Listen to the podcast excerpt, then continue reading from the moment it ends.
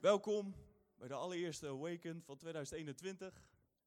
Ik las laatst in de Bijbel over de uitverkorenen. Nou, dat moeten jullie dan wel zijn, hè? Die 30 die mogen komen. Jullie zijn de uitverkorenen. Is dat niet geweldig? Word je daar niet blij van?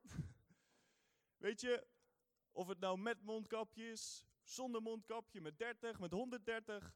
Ik heb voor mezelf besloten, zoals de Bijbel zegt, ik ga niet de stenen het laten uitroepen. Ik grijp elke mogelijkheid, elke kans om mijn Heer, mijn Redder, mijn God te aanbidden. Mondkapje of geen mondkapje, het gaat mij niet stoppen. Amen. Wie is er met me? Roep amen. Van harte welkom vanavond op de Awaken. Zoals ik zei, de allereerste van 2021. Iedereen zijn vingers nog? Denkt wel, hè? De beste wensen. En toen wij aan het bidden waren, Nienke en ik, voor dit jaar, kregen we de tekst op ons hart, 1 Johannes 5, vers 4. Waarin staat, wat al wat uit God geboren is, overwint de wereld. En dit is de overwinning die de wereld heeft overwonnen heeft. Ons geloof. Ik geloof 2021 gaat zijn een jaar van geloof en een jaar van overwinning. We gaan van geloof naar geloof en we gaan van overwinning naar overwinning. En als dat voor jou is, roep amen. 2020 is een jaar geweest van schudden, of niet? Alles wat we kenden, alle structuren, alles waar we zo gewend aan waren, werd geschud. Uit eten gaan, naar school gaan, alles was opeens anders. Zelfs hier in de kerk, er werden bepaalde dingen geschud. En ik geloof dus, 2021 wordt niet een jaar van schudden, het wordt een jaar van geloof en, eh, geloof en overwinning. Persoonlijk voor mij en Nienke is 2020 ons allerbeste jaar ooit geweest. Weet je? Ondanks alle toestanden. We hebben mega wonderen meegemaakt en getuigenissen. En we zien, God is trouw, God is goed en hij is een beloner voor wie hem zoekt. En 2021, ook voor jullie allemaal, weet dit. Het wordt een jaar van overwinning naar overwinning. We zijn natuurlijk het afgelopen seizoen gestart met Walk by Faith. En ik vind het zo tof om de getuigenissen terug te horen van mensen die daar echt in stappen. Wonderen die gebeuren. Van fratten die van knieën afvallen hier zo. Van andere mensen die zeggen, hey, ik ben opeens vrijmoedig op school aan het vertellen over Jezus. Super gaaf. Super tof. En volgende keer, volgende weken, spreek ik weer, dan heb ik de boodschap op mijn hart, talk by faith. Gaan we het hebben over hoe praat je in 2021? Wat zeg je? Spreek je woorden van geloof? Spreek je woorden van angst? Zeg je, ik ben bang dat de lockdown nog een keer verlengd gaat worden? Of zeg je, ik geloof dat die gauw weer open gaat? Want wat je, wat je zegt bepaalt hoe je toekomst eruit gaat zien. Door de woorden die je zegt, profiteer je in feite jouw eigen toekomst. Want je woorden hebben kracht, amen? De Bijbel zegt, in jouw tong zijn, is de macht over leven en dood. Maar dat is voor volgende keer. Dan gaan we daar dieper op in. Ik zei altijd bijvoorbeeld, hè, uh, wiskunde, daar bak ik geen pannenkoek van. Ik, ik kan dat niet, ik ben daar slecht in, dat zei ik altijd. En ja, ik haalde dus nooit hoger dan een 5,5. Had iemand me maar toen verteld, als je woorden van geloof spreekt, dan gaat je toekomst zo gevormd worden. Dus voor degenen die slecht zijn in wiskunde, weet, zeg het niet hè.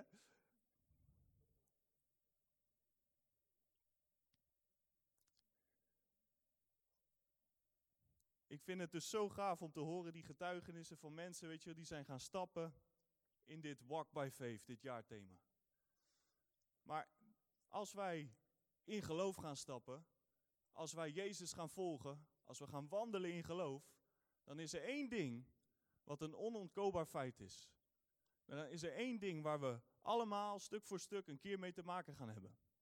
Namelijk, je geloof wordt op een gegeven moment getest. Ik hou niet zo van toetsen en tentamens.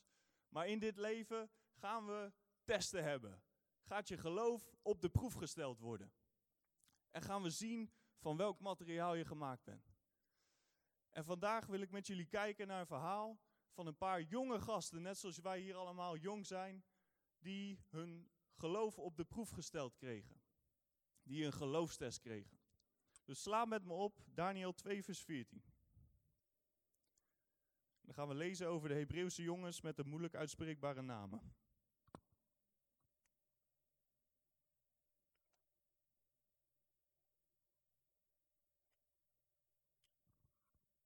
En als je bent zoals je gewend bent hier in Nehemia, mag je zeggen, ik ben er. Dus er is nog niemand. Daniel 2 vanaf vers 14 gaan we lezen. Hij is er, heel goed.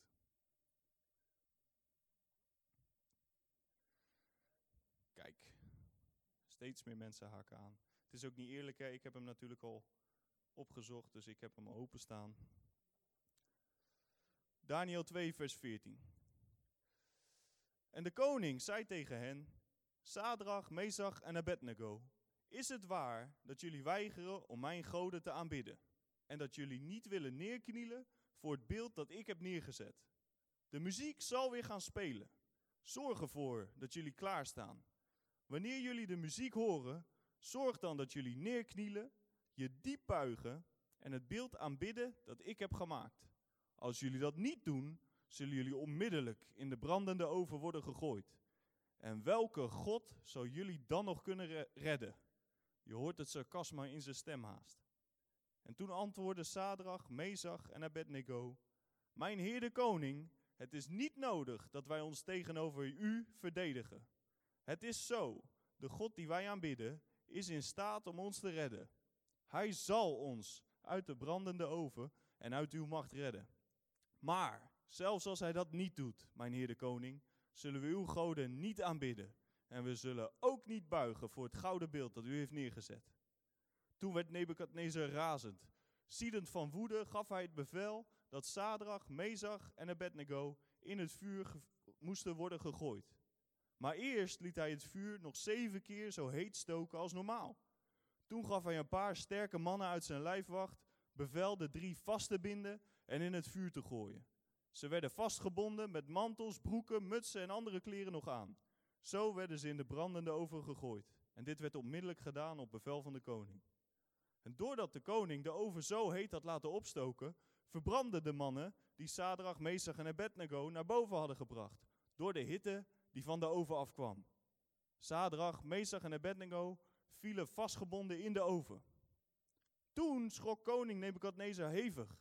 Hij sprong overeind en vroeg aan zijn raadgevers: We hebben toch drie mannen in het vuur gegooid? En ze waren toch gebonden? En ze antwoordden: Jazeker, meneer de koning.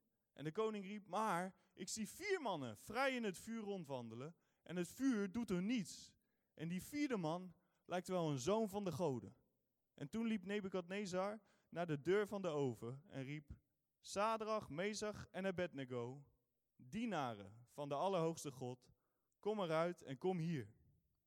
Toen stapte Sadrach, Mesach en Abednego uit het vuur.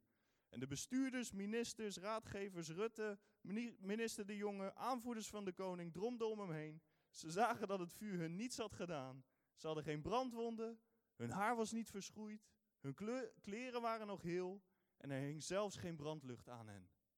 Toen zei Nebukadnezar, prijs de God van Sadrach, Mesach en Abednego. Hij heeft zijn engel gestuurd om zijn dienaren te redden, want ze vertrouwden op hem. Ze waren ongehoorzaam aan mijn bevel. Ze waren bereid te sterven, omdat ze alleen hun eigen God wilden aanbidden en geen enkele andere God. Daarom geef ik vandaag het bevel dat iedereen die de God van Sadrach, Mesach en Abednego beledigt, in stukken gehakt zal worden. Het maakt niet uit van welk volk hij is, ook zal zijn huis worden verwoest, want geen één andere God kan mensen zo redden als deze God. Halleluja, dat is onze God. Dus deze drie jonge gasten kwamen oog in oog te staan met het feit waar we allemaal als christenen, als we Jezus volgen, ooit mee te maken gaan krijgen. En ik geloof regelmatig mee te maken gaan krijgen. Namelijk, je geloof wordt getest. Ben je klaar voor de test? Jouw geloof wordt getest. Deze koning Nebukadnezar was een machtige koning. Als je hem opzoekt, staat er zelfs op Wikipedia dat een van zijn bijnamen was King of the Universe. Hij was een machtige, machtige, trotse man. Had de hele wereld overgetrokken en alle bestaande volken en landen overwonnen, hun steden verwoest, de mensen meegenomen naar zijn eigen stad en hij nam ook hun eigen afgoden met zich mee, terug naar Babel. Babel was een immens grote stad. Het had muren van 100 meter hoog, 30 meter dik. De rivier de Eufraat, die vloeide dwars door de stad heen. Daar waren ook de hangende tuinen van Babel, misschien heb je er ooit van gehoord. En deze koning Nebukadnezar nam dus al die afgodsbeelden mee en hij bracht ze in de tempel van Baal. De afgod Baal, misschien heb je er ooit van gehoord. En in die tempel verzamelde hij dus al deze afgodsbeelden die hij verzameld had uit al die landen die hij veroverd had. En al deze afgodsbeelden waren vreselijk om te zien. Gelijkenissen van een stier, gelijkenissen van een arend. Alles wat mensen maar verzonnen hadden en zelf hadden gemaakt met hun eigen handen. Deze afgodsbeelden. Maar Nebukadnezar merkte, hey, alhoewel zij al die goden hebben, overwin ik elk land. Ik ben eigenlijk een god. Want al die afgodsbeelden die praten niet, die zeggen niks, die doen niks. Ik ben God, zei Nebukadnezar. En wat deed hij? Hij liet een groot gouden beeld maken. 30 meter hoog staat er in de Bijbel. Helemaal van goud. En dat plaatste hij op een heuvel net buiten de stad. En zodra mensen het geluid van de muziek hoorden, ging het bevel van de koning door het hele land heen. Moesten ze op hun gezicht vallen, buigen en dat beeld van Nebukadnezar aanbidden. En ze moesten roepen, groot is Nebukadnezar. Groot is Nebukadnezar, onze God. Maar deze drie Hebreeuwse jongens, die wandelden door geloof. Zij waren namelijk opgevoed met de onzichtbare God, net als wij. Zij wisten, wij hoeven geen God te dienen die we kunnen zien. Sterker nog, onze God verbiedt het om ons neer te buigen voor een afgod die we kunnen zien. Zij wisten, wij moeten wandelen in geloof. Wij moeten niet wandelen door wat we zien. En zij wisten, ik ga dus niet buigen voor een God die ik kan zien. En weet je, ik denk dat wij allemaal nu in een fase zitten in ons leven waarin we erg veel keuzes moeten maken. In zeg maar een periode van zes jaar, middelbare school, begint eigenlijk op de basisschool, moet je kiezen naar welke middelbare school je wilt.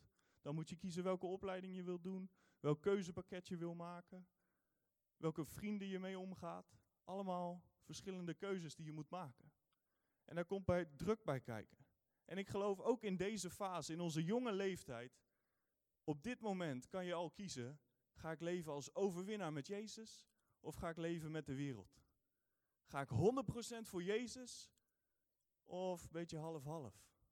En ik denk 2020 heeft ons getoond, het is geen tijd meer om half-half te leven. Het is geen tijd meer om met ene been bij God, ene been bij de wereld, ene been bij God en in een grijs gebied te leven. Ik geloof, zoals ik zei, 2021 wordt een jaar van geloof en overwinning. Maar is het belangrijk dat jij voor jezelf kiest, ik ga 100% voor God. Wat gebeurt er? De wereld wil je laten buigen. Ze zeggen, buig hiervoor. Doe dit. Eén sigaretje, één jointje, beetje seks voor het huwelijk. Want als je dat niet doet, dan ga je branden. Je wilt toch niet alleen in je eentje in de pauze ergens in de kantine zitten? De wereld zegt, ga buigen, anders ga je branden. En de vraag voor ons is, ga ik buigen of ga ik branden? Ik geloof, in ons leven zit het leven vol met zogenaamde Nebukadnezars en zogenaamde brandende ovens. Situaties die van je vragen, ga je buigen? Ga je toch één sigaretje roken, om maar een voorbeeld te noemen? Met de druk van anders ga je branden, anders hoor je er niet bij. Maar vandaag, uit dit verhaal, uit dit prachtige voorbeeld, gaan we vijf punten halen om te zorgen dat jij kan blijven staan. Amen. Dat jij niet hoeft te buigen voor die druk van de wereld, want met God is het beste leven. Amen. Dus aan de hand van dit verhaal vijf punten. Punt nummer één voor als je aantekeningen maakt. Je bent die druk, die situatie die van je vraagt om te buigen, geen antwoord verschuldigd. Negeer het. Want wat deden deze jonge mannen toen ze oog in oog kwamen te staan met de koning? Wat zeiden ze? Mijn heer de koning, het is niet nodig dat wij ons tegenover u verdedigen. Oftewel, talk to the hand koning. Je bent niet verschuldigd een antwoord aan dat wat jou probeert te laten buigen. Het beste wat je kan doen wanneer zo'n situatie komt, wanneer de druk komt, just ignore it. Negeer het gewoon. Ik hou heel erg van de serie uh, Suits, weet je wel, met Harvey Specter. Wie heeft dat wel eens gezien? Dat is lekker, hè? En Harvey, die heeft een, een bekende uitspraak. En die geldt eigenlijk voor ons ook. Harvey zegt dan wel eens: I'm like this, you're like this. Weet je, wij kunnen weten, de Bijbel zegt, we zijn gezeten in hemelse gewesten in Jezus. Wij zitten daar in de hemel met hem op dit moment, alhoewel we hier zijn. Dus je kan zeggen, I'm like this. De wereld is like this. Je bent de wereld geen verantwoord verschuldigd. Je staat erboven. Je bent in God, in Jezus. Je bent geen antwoord verschuldigd. Negeer het gewoon. Ik heb bijvoorbeeld nu in mijn werk een klant. Ik ben accountmanager, dus ik moet de relaties met klanten warm houden. En ik heb één zo'n klant, die wil elke keer dat ik met hem meega stappen in Alkmaar. Zegt hij, ja, is leuk man, ik woon daar, gaan we, gaan, we samen uit, gaan we stappen en dat is gezellig, gaan we lekker suipen. En ik negeer het gewoon. Ik ben hem geen antwoord verschuldigd. Dat is makkelijk, want ik probeer het zakelijk te houden en dat is niet echt zakelijk, zoals je merkt. Maar gewoon, negeer het gewoon. Je bent het geen antwoord verschuldigd. Maar dan, punt nummer twee, als je er wel op ingaat, spreek geloof. Want wat zeiden ze daarna? Ze zeiden tegen de koning: Het is zo, de God die wij aanbidden is in staat om ons te redden. Hij zal ons uit de brandende oven en uit uw macht redden. God is in staat, God kan het. God zal het. Dat is wat ze zeiden, dat is geloof. Op dat moment wisten ze dat nog helemaal niet, maar ze zeiden al wat ze geloofden. God zal mij uit die brandende oven redden. En zelfs daarna zeggen ze, maar zelfs als hij dat niet doet, mijn heer de koning, zullen we uw goden niet aanbidden en we zullen ook niet buigen voor het gouden beeld dat u heeft neergezet. Wauw, zij wisten zeker.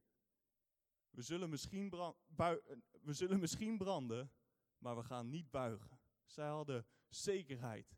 De Bijbel zegt, mijn Bijbel in ieder geval, ik hoop die van jou ook, dat Jezus Christus dezelfde is, gisteren, vandaag tot in eeuwigheid. Als God toen heeft gered uit de brandende oven, doet hij dat vandaag de dag nog steeds. Amen.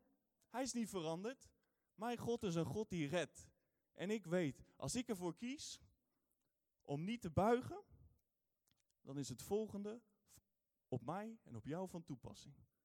Namelijk, als je niet buigt, kan je ook niet branden. Dat is de wet van geloof. Als je niet buigt, kan je ook niet branden. De wet van compromis is, als je wel buigt, ga je wel branden.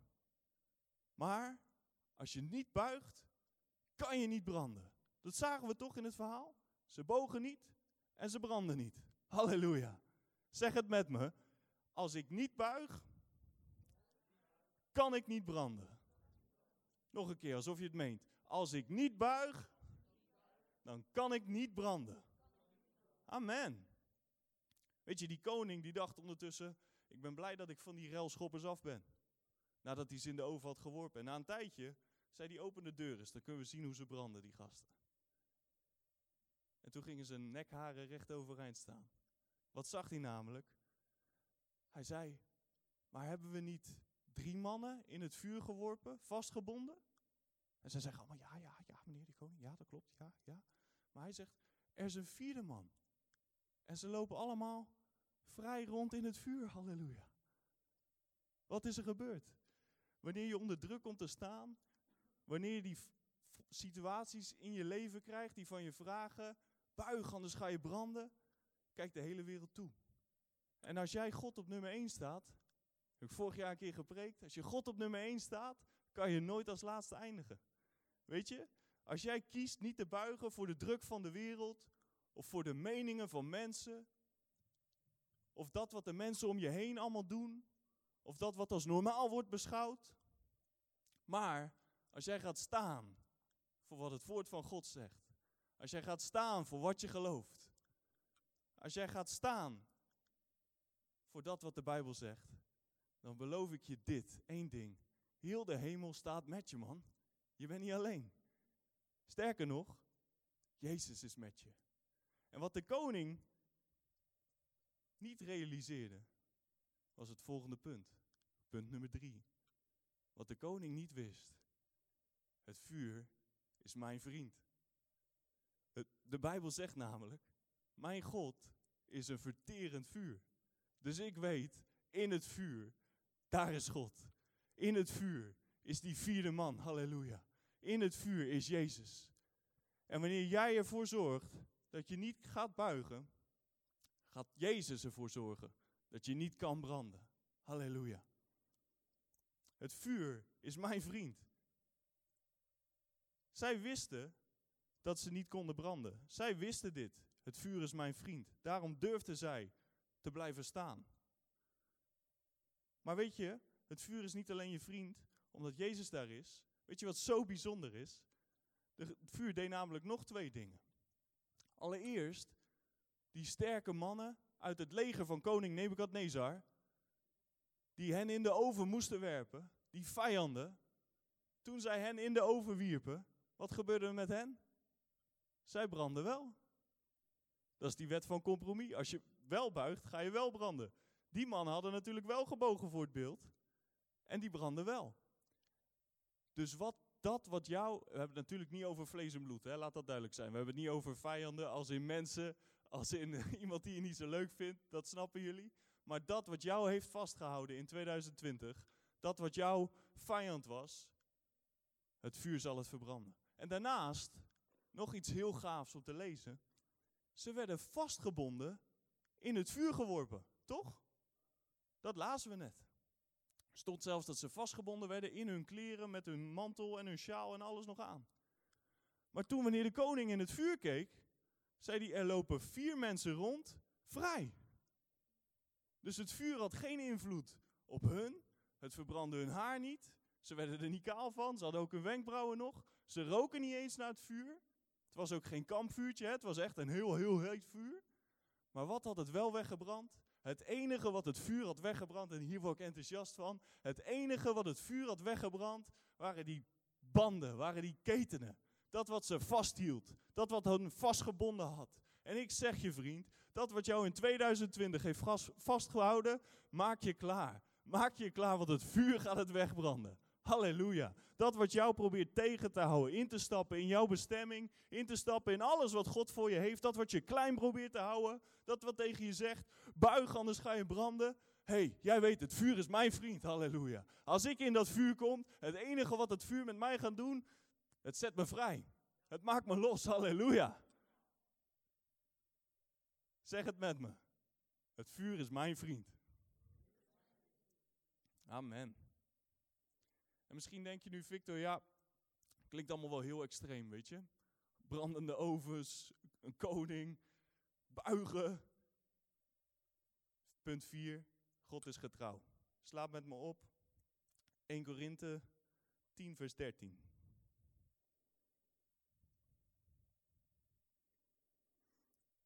We denken misschien, misschien denk je, is wel heel heftig, wel heel groot.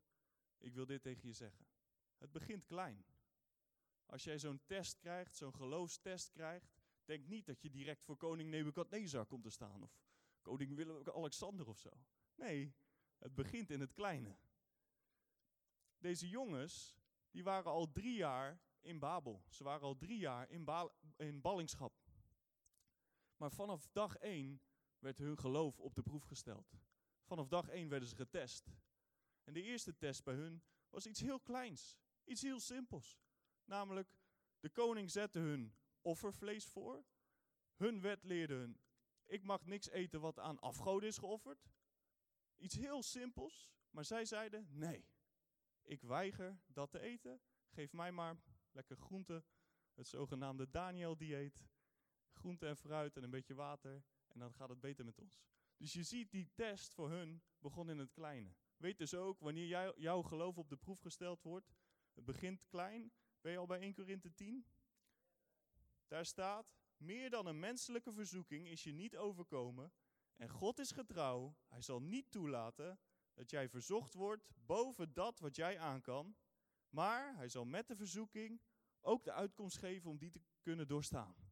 Dus wanneer jij in een bepaalde verzoeking komt, weet je wel, wanneer jij in een bepaalde test komt, iets wat jouw geloof op de proef stelt, weet, de Bijbel zegt, God zal niet toelaten dat je verzocht wordt boven wat je aan kan. Maar hij zal met de verzoeking ook de uitkomst geven om die te kunnen doorstaan. Dus wanneer jij in een bepaalde test komt, hé, hey, God heeft de uitkomst al voor je klaarstaan. Dus in plaats van dat je in paniek raakt en als een kip zonder kop gaat rondrennen, hoe moet ik dit doen en hoe kom ik hieruit? Hé, hey, vraag het aan je vader. Want hij weet, de verzoeking die, die jij nu krijgt, je kan hem aan en de uitkomst is ook klaar. Dus wat je eigenlijk moet doen, in plaats van als een kip zonder kop rondrennen, is vragen, Heer, waar is de uitkomst? Er is een beproeving, er gebeurt nu wat. Oké, dan moet er een uitkomst zijn. Waar is die? Waar is die, Heer? Help me. En dan geeft hij je de weg eruit. En daarnaast weet dit, punt 5, niet buigen brengt een beloning. Slaap met me op, Jacobus, hoofdstuk 1. Ik vind het zo mooi wat hier staat. Gaat ook weer over dat stukje beproeving, over die test waar we het over hebben vanavond. Waar ben je? Chris is weer sneller dan ik hoor. Onze Bijbelleraar. Jacobus 1, vers 2. Beetje oud Nederlands, maar daar staat: Acht het enkel vreugde, mijn broers en zussen, wanneer je in allerlei verzoekingen of testen terechtkomt, want je weet dat de beproeving van je geloof volharding teweeg brengt. Dus wanneer jij in zo'n test komt, wanneer er een situatie komt die tegen je zegt: buig of brand, buig of brand. hey, wat kan je doen? Rejoice. Count it all joy staat er in het Engels. Je kan gewoon blij worden, want je weet, met de test komt de uitkomst. En door de test krijg ik volharding. Groei ik op, word ik sterker. Ga ik sterker staan in mijn geloof. En, zoals ik zei, punt 5, het brengt een beloning. Niet bruigen, brengt een beloning. We weten, God is een beloner. Amen. Je bent namelijk meer dan overwinnaar. De Bijbel zegt, je kan alles doen door Christus die je kracht geeft. We hebben net gelezen dat er geen enkele test gaat komen zonder dat hij de uitkomst geeft. Want wat gebeurde er namelijk met die jongens in Daniel 2? Die drie Hebreeuwse jongens. Nadat ze tegen de koning in opstand waren gekomen, gerebelleerd hadden, niet gebogen hadden, met de vierde man in het vuur waren geweest. Ze kwamen uit het vuur. En de koning, die zei tegen hen, er is geen andere God dan de God van deze mannen. En daarna werden ze heel voorspoedig in het gewest Babel. Laten we het lezen. Daniel 2. 3, pardon. Vers 30. Daar staat, toen maakte de koning Sadrach, Mesach en Abednego voorspoedig in het gewest Babel. Dus wanneer er een test komt, wanneer er die beproeving komt, weet dit. Wanneer jij ervoor kiest, ik blijf staan in geloof. Ik ga niet buigen voor die druk van de wereld. Ik ga niet buigen voor die meningen van de mensen om me heen. Er staat een beloning aan het einde van die opdracht voor jou te wachten. De, het feit dat jij niet buigt, gaat jou voorspoedig maken. Daar waar jij bent. Of het nou op school is, op je werk. Weet, er is een beloning voor het feit dat je Jezus volgt. Het leven met Jezus is het beste leven wat er is. Amen. Persoonlijk kan ik daarvan getuigen. Zonder hem, waardeloos. Met hem, top. We zijn de kop en niet de staart, zegt de Bijbel. En weet dus, hij maakt je voorspoedig. In het Engels staat er, wordt er wel eens gezegd, the test will be your testimony. Halleluja. Wanneer die test komt, dan gaat het een getuigenis zijn. Al die ministers, raadgevers, bestuurders die erbij waren bij koning Nebukadnezar in het gouden beeld, die hadden allemaal gezien dat die jongens niet gebogen waren. En daarna kregen die allemaal te horen dat die drie gasten nu hun baas werden. Halleluja.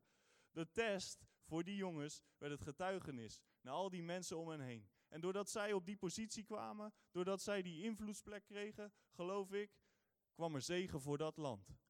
En zo voor ons allemaal, daar waar jij gesteld bent, weet dit. Ja, je geloof gaat getest worden. Inderdaad. Hoort erbij.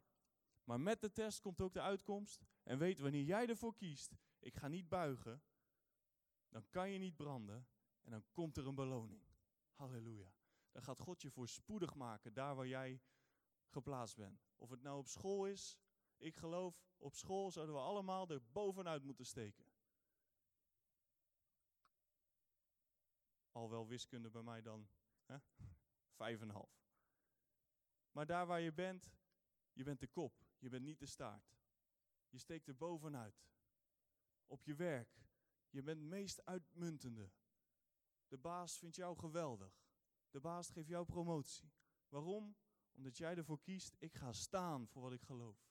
Ik ga staan voor wat het woord van God zegt. Ik ga niet mee met wat de wereld normaal vindt. Komt die beloning daar. En voor mij was het op de middelbare school en daarna ook op de hogeschool altijd weer hetzelfde onderwerp, seks.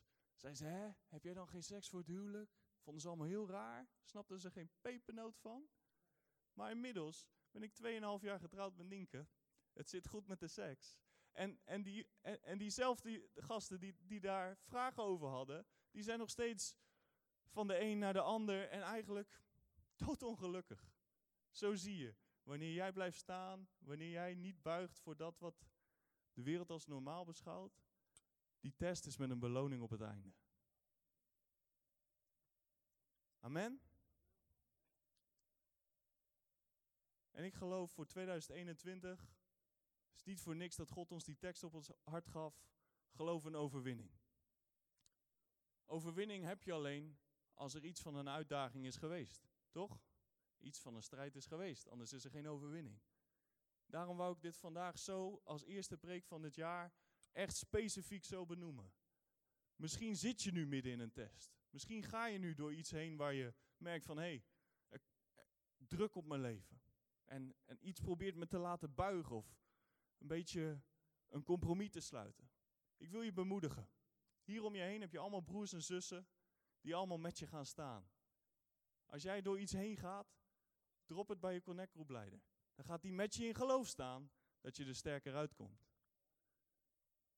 En overwinning hebben we al behaald, zegt de Bijbel. De Bijbel zegt, we zijn meer dan overwinnaars in Jezus Christus. Weet waar je ook doorheen gaat, je bent in Jezus geplaatst. You're like this, not like this. Wanneer die uitdaging komt, de overwinning is daar.